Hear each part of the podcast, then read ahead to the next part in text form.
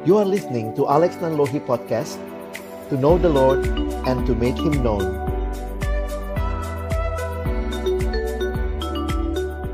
Mari berdoa sebelum kita membaca merenungkan firman-Nya. Kami datang dalam ucapan syukur hari ini Tuhan, karena sungguh Engkau baik dan Engkau menyatakan kebaikan-Mu di dalam kehidupan kami. Baik kami sebagai pribadi, sebagai keluarga, sebagai rekan-rekan kerja di dalam cipta dana yang Tuhan boleh berkati. Malam hari ini kami merayakan kelahiran putramu Tuhan kami Yesus Kristus. Kami telah memuji-muji namamu ya Tuhan. Kami juga rindu mendengarkan kebenaran firmanmu. Kami berdoa biarlah waktu kami membuka firmanmu, bukalah juga hati kami. Jadikanlah hati kami seperti tanah yang baik. Supaya ketika benih firmanmu ditaburkan, itu boleh sungguh-sungguh berakar, bertumbuh, dan juga berbuah nyata di dalam hidup kami. Berkati hambamu yang menyampaikan semua kami yang mendengar. Tuhan tolonglah agar kami bukan hanya jadi pendengar-pendengar firman yang setia, tapi mampukan dengan kuasa, dengan pertolongan dari rohmu yang kudus. Kami dimampukan menjadi pelaku-pelaku firman-Mu di dalam kehidupan kami. Bersabdalah ya Tuhan, kami umatmu sedia mendengarnya. Dalam satu nama yang kudus, nama yang berkuasa, nama Tuhan kami Yesus Kristus, kami menyerahkan pemberitaan firman-Mu. Amin. Shalom, selamat malam Bapak Ibu, Saudara yang dikasihi dalam Tuhan Yesus Kristus. Selamat malam Ibu Catherine, senang bisa lihat Ibu sehat-sehat Bu ya. Ya, ini namanya Bapak Ibu berzumpa ya, karena lewat Zoom ya. Untuk kali yang kedua, kita Natalan lagi lewat Zoom ini. Nah, tema malam hari ini sebuah tema yang sebenarnya tentunya tidak mudah juga karena pengalaman kita betulkah kita sedang bersuka cita. Nah, itu jadi pertanyaan bagi kita sekalian. Nah, Bapak Ibu yang dikasihi Tuhan, kita masih merayakan Natal di tengah suasana pandemi. Pandemi yang kayaknya terus berkepanjangan, kita terus berdoa supaya cepat selesai, tapi juga ya realita ini tidak membuat kita berhenti untuk bernatalan bersama.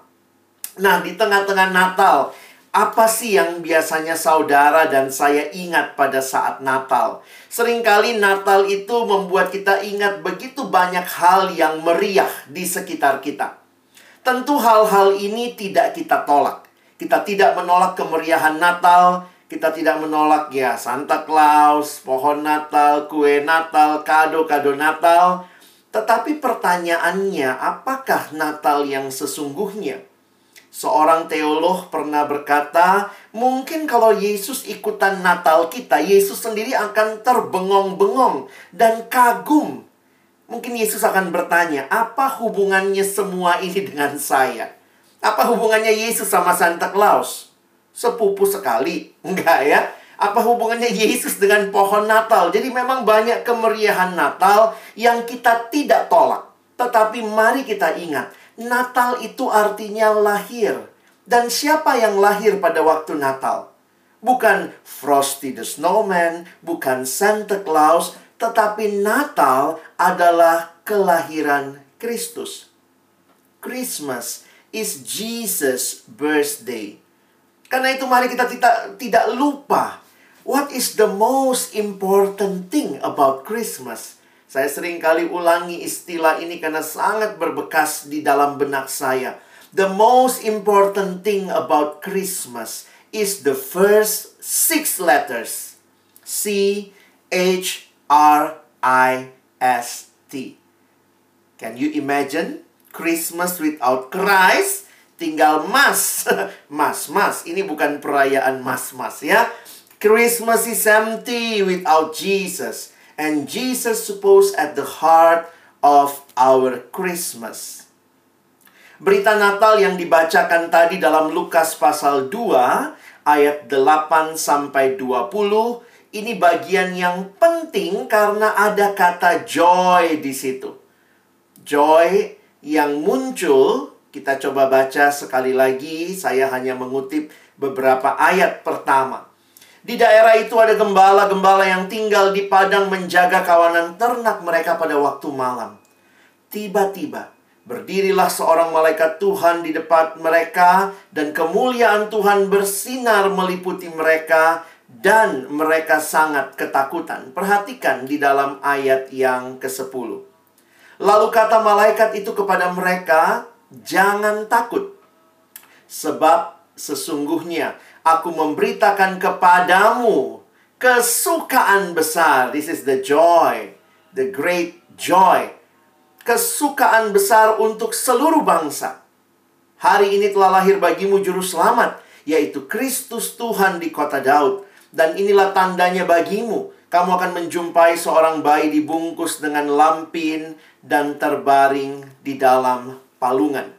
Bapak Ibu Saudara yang dikasihi Tuhan, selebihnya tadi sudah kita baca bersama. Waktu bicara Natal sesuai juga dengan sebutannya, kita tidak jauh-jauh dari sukacita. Merry Christmas. Tapi bagaimana bisa bicara Merry di tengah-tengah situasi bangsa kita, bahkan dunia ini yang masih bergumul dengan pandemi saat ini?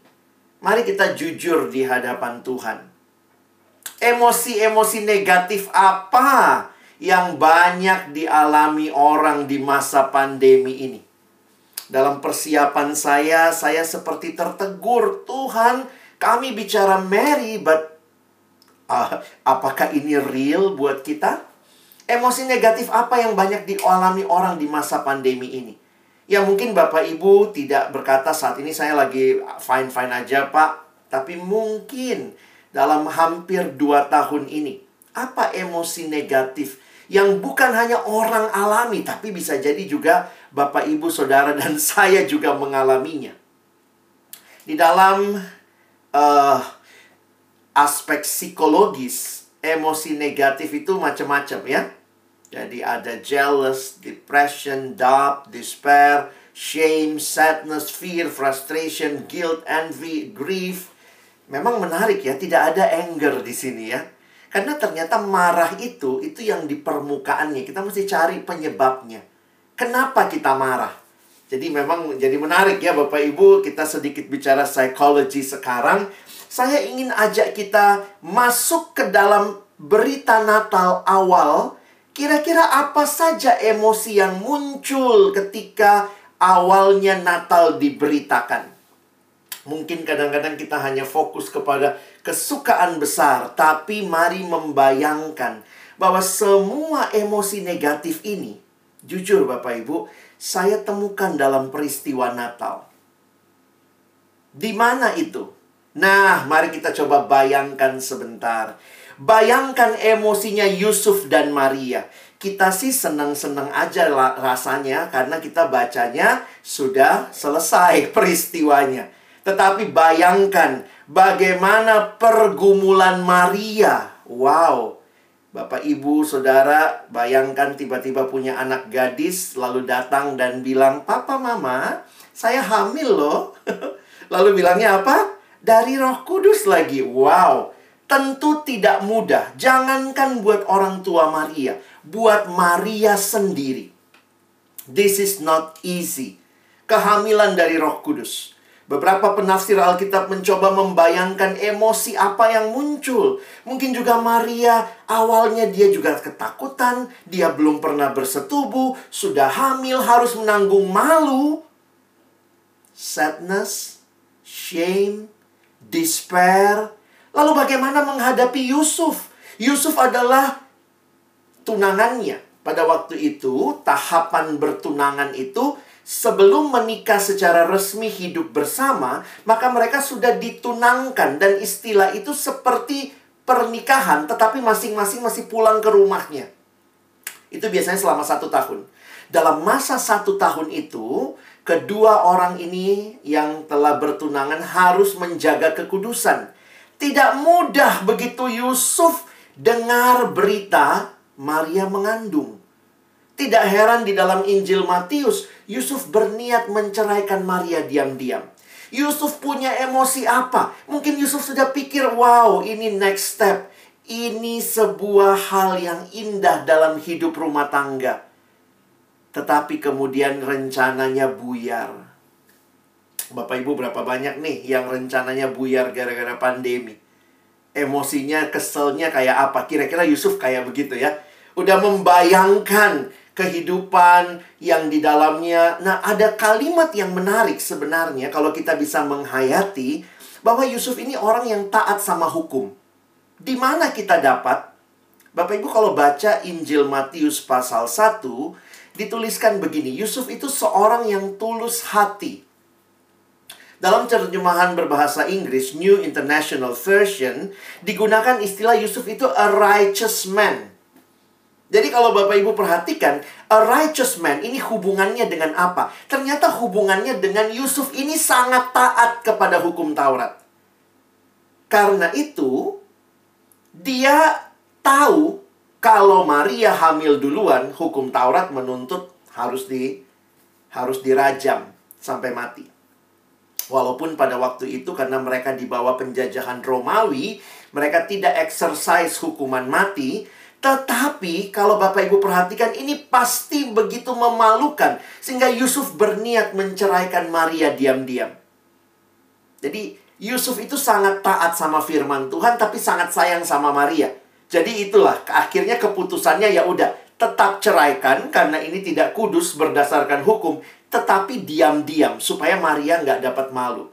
Makanya dalam terjemahan bahasa Indonesia masa kini BIMK Kalimatnya Yusuf tunangannya itu adalah seorang yang selalu mentaati hukum agama. Nah, itu kira-kira yang Bapak Ibu bisa pahami. Jadi bagi Yusuf pasti pergumulan tidak mudah. Kita sih dengarnya Yesus sudah lahir, wah sukacita di sorga di bumi. Tapi jangan lupa, Maria seorang muda. Yusuf tunangannya yang begitu taat hukum tidak mudah tentunya bagi Maria dan Yusuf.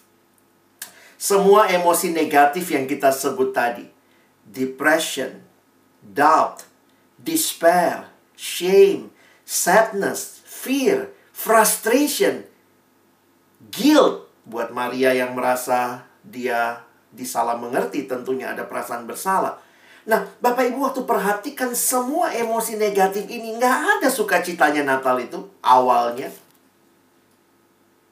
Lalu lihat lagi. Nah, bacaan kita hari ini saya mau soroti sedikit tentang gembala. Siapa sih gembala pada masa itu? Kira-kira emosi apa yang mereka alami? Berdasarkan konteks, kalau Bapak Ibu nanti perhatikan, bisa baca saya coba jelaskan sedikit. Gembala ini adalah kaum yang sedikit terpinggirkan. Karena mereka itu dianggap pekerjaannya cukup kasar. Mereka itu dalam ranking pekerjaan yang paling bawah. Bahkan dikatakan tiga terendah.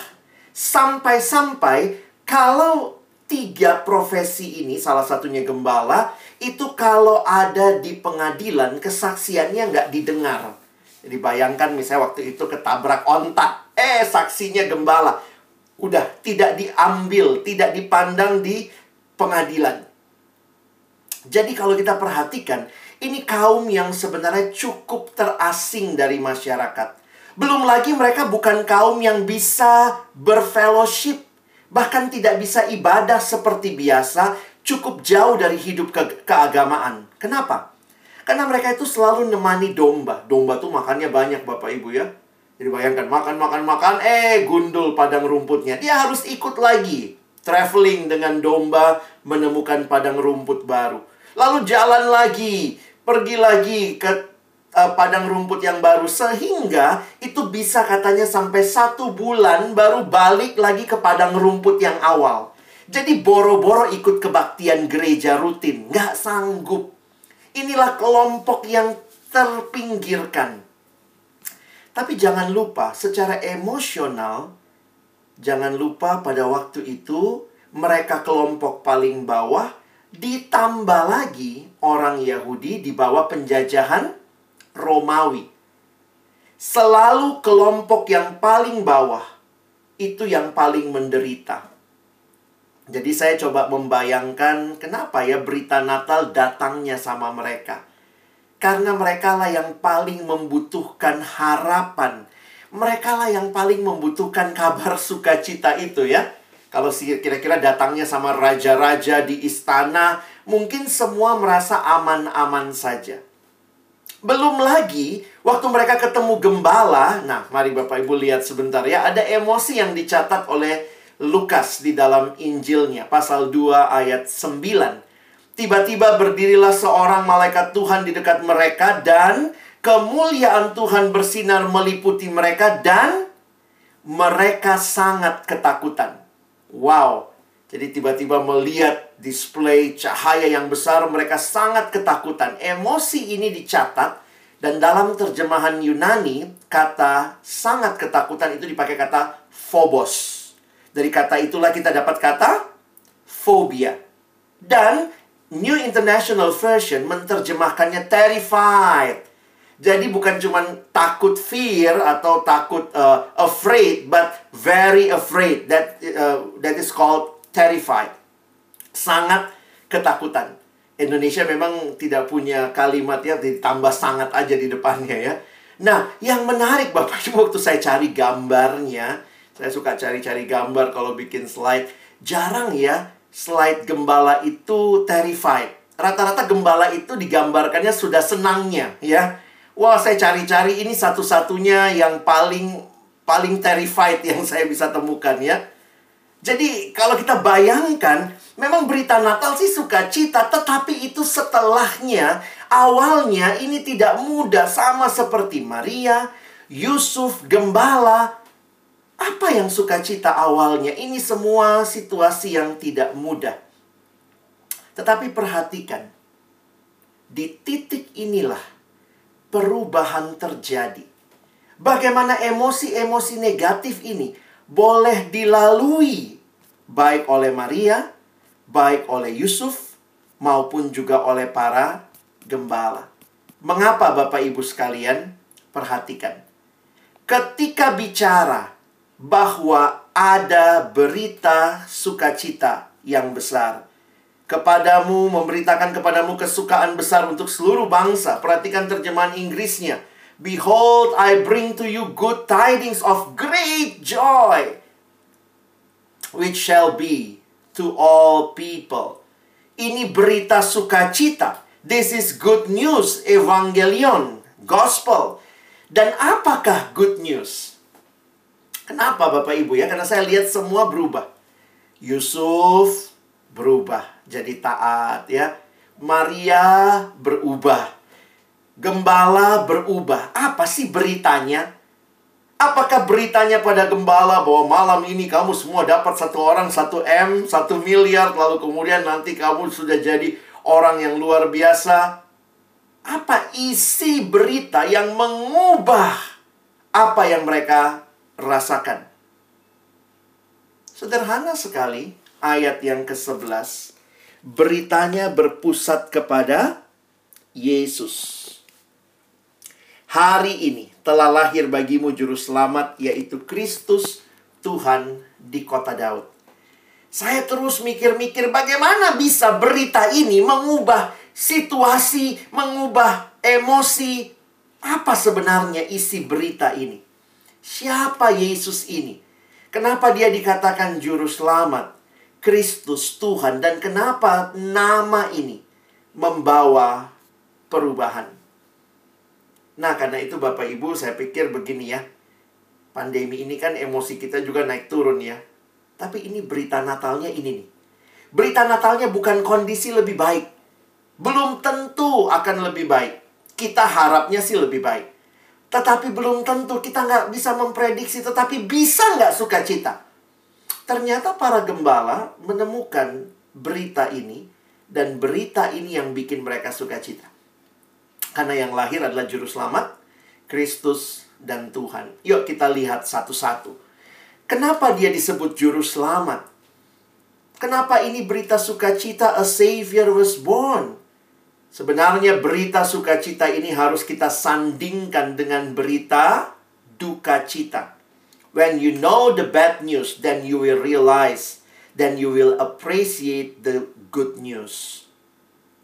Apa sebenarnya berita duka cita terbesar di bawah kolong langit ini? Berita duka cita terbesar ditulis di Roma 3 ayat 23. Karena semua orang telah berbuat dosa dan telah kehilangan kemuliaan Allah. Bapak Ibu Saudara sekalian, I think sin is the real pandemic. Bukan COVID.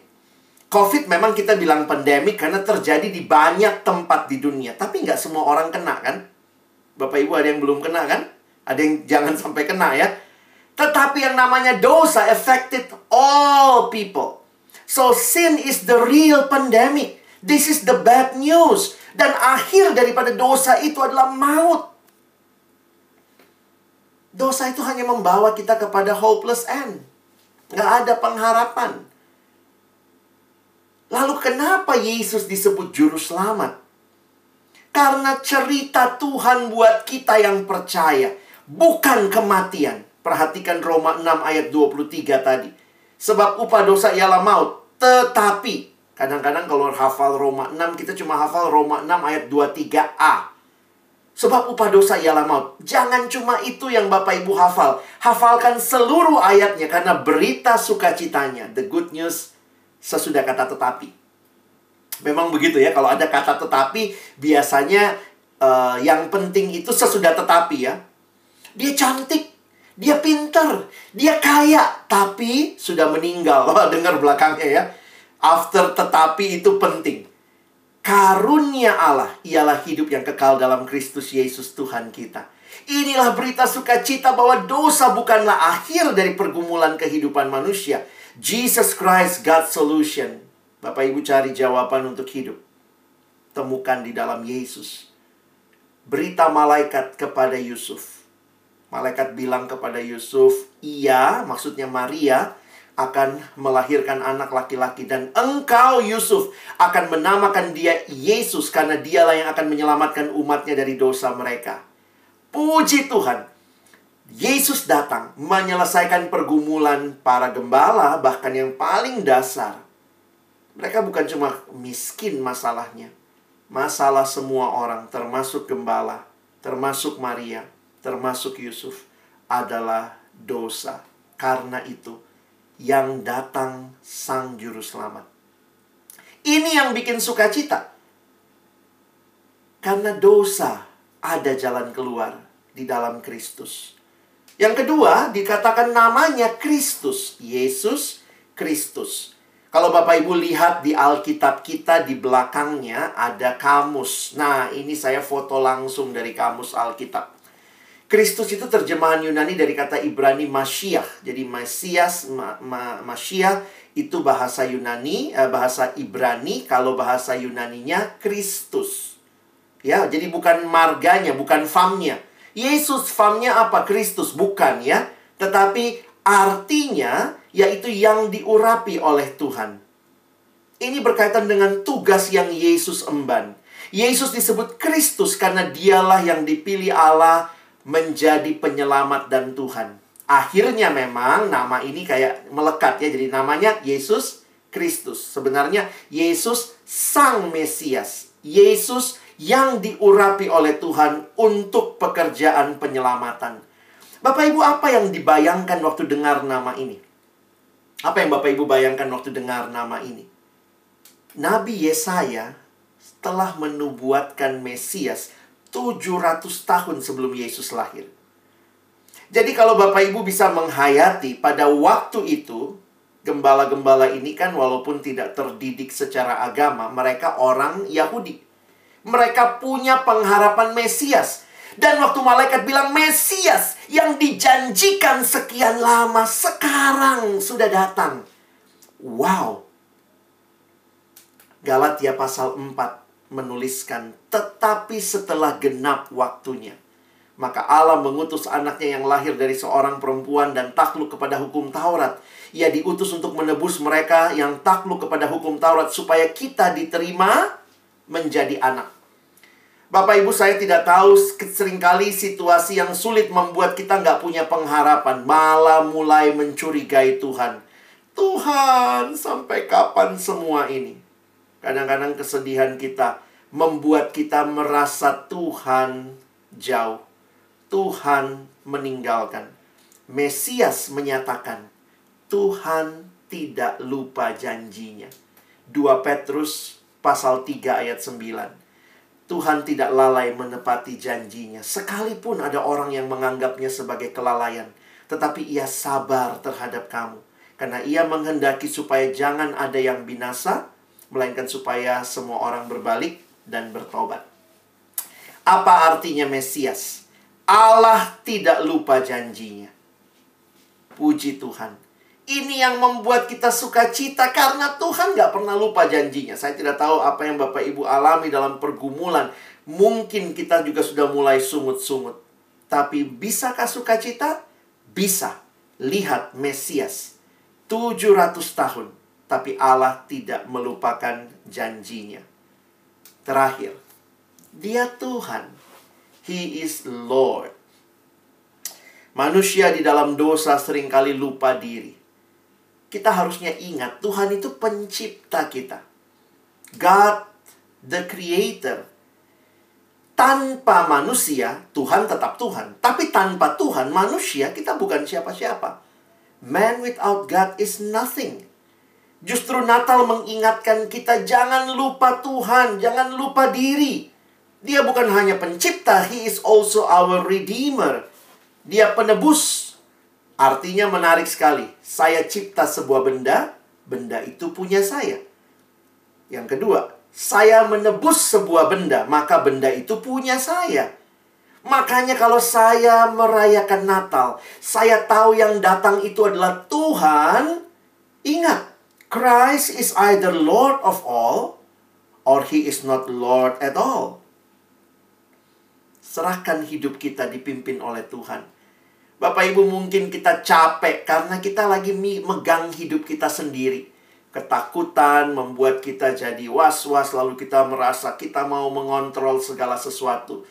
Natal sebenarnya cuma mau mengingatkan kita, you are not in control.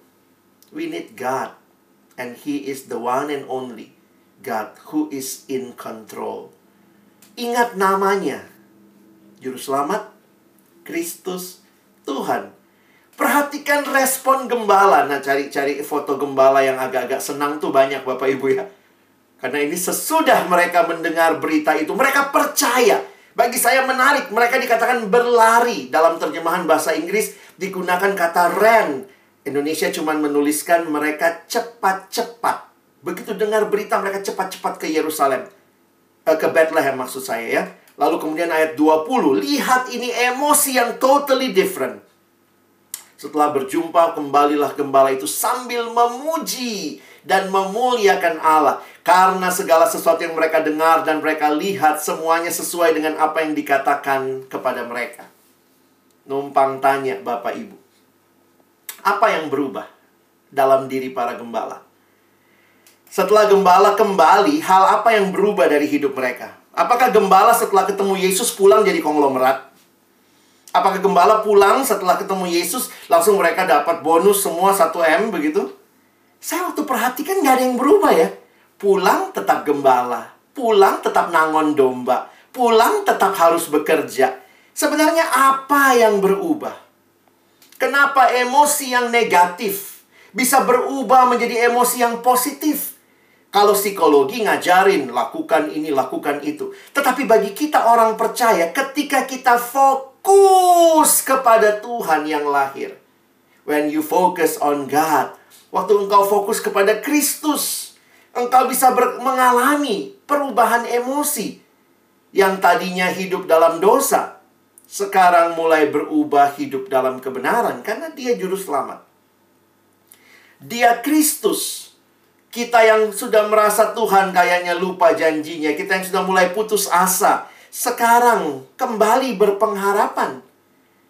Kita yang merasa dia bukan Tuhan, aku Tuhannya. Tadinya kita self-centered, akulah segala-galanya. Natal membuat kita God-centered.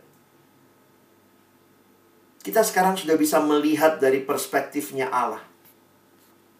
Kalau Bapak Ibu mau mau mau uh, inti khotbah saya malam ini sebenarnya slide berikut ini ya.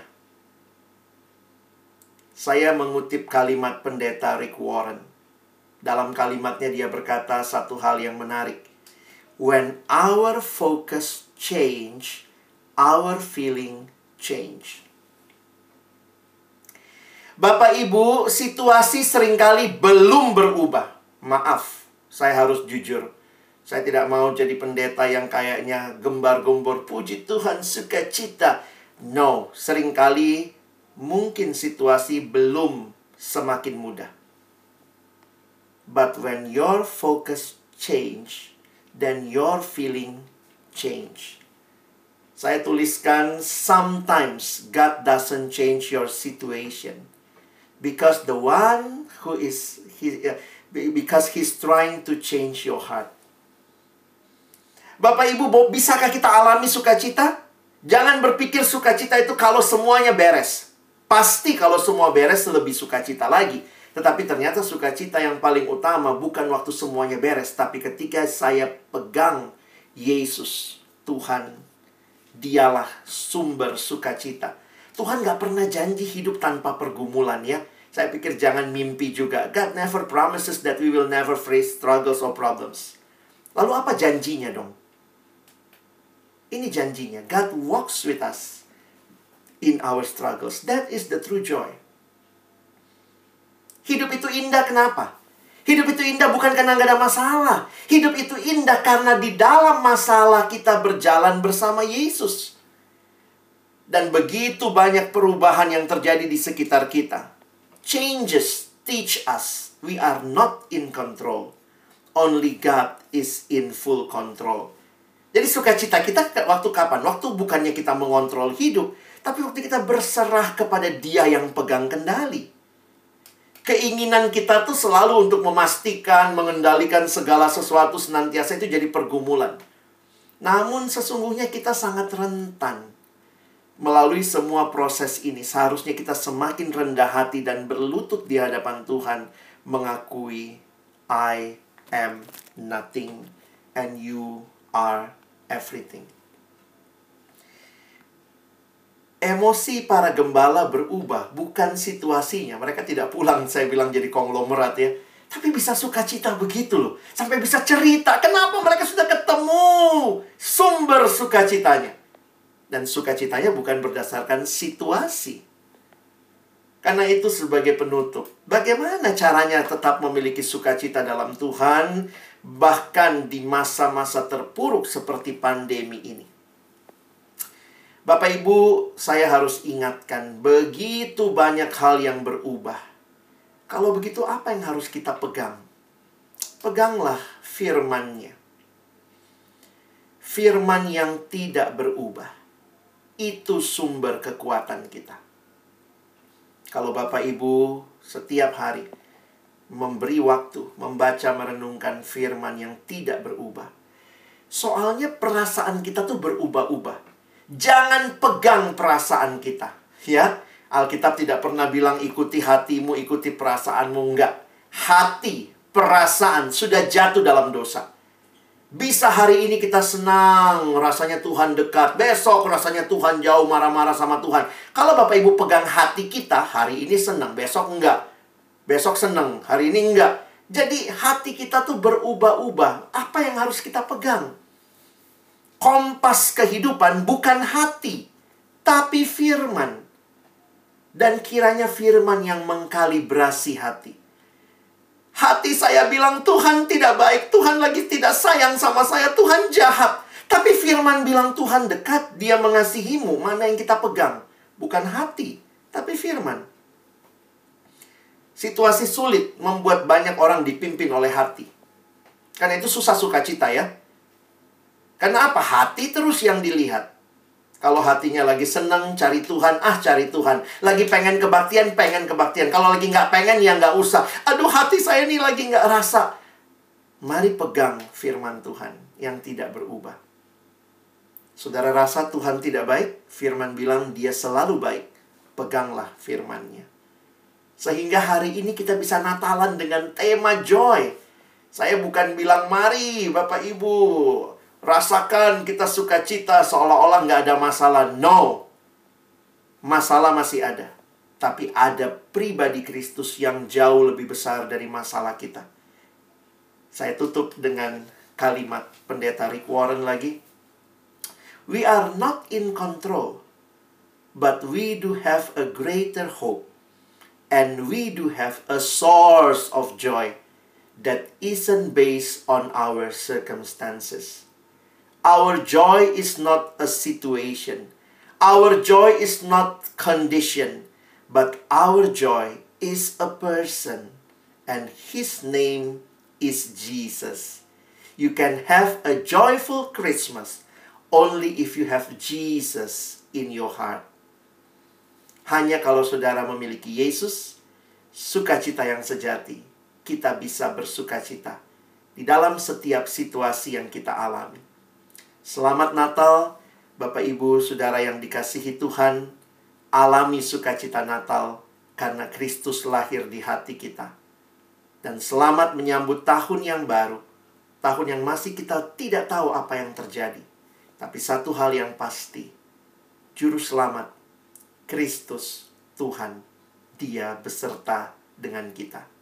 Tuhan Yesus memberkati. Mari berdoa. Terima kasih Tuhan buat firman-Mu. Terima kasih buat setiap kebenaran yang memerdekakan hati kami. Bahwa kami tidak sukacita hanya karena kondisi berubah. Tetapi kami bisa sukacita bahkan dalam situasi yang paling sulit. Karena pribadi Yesus yang melakukan bahkan lebih luar biasa dari apa yang kami harapkan. Engkau menyelesaikan dosa kami kami punya hidup kekal. Engkau memberikan pengharapan karena itu kami bisa bangkit dan tidak hidup dalam keputusasaan. Dan engkau yang mengontrol segala sesuatu karena itu kami bisa berserah.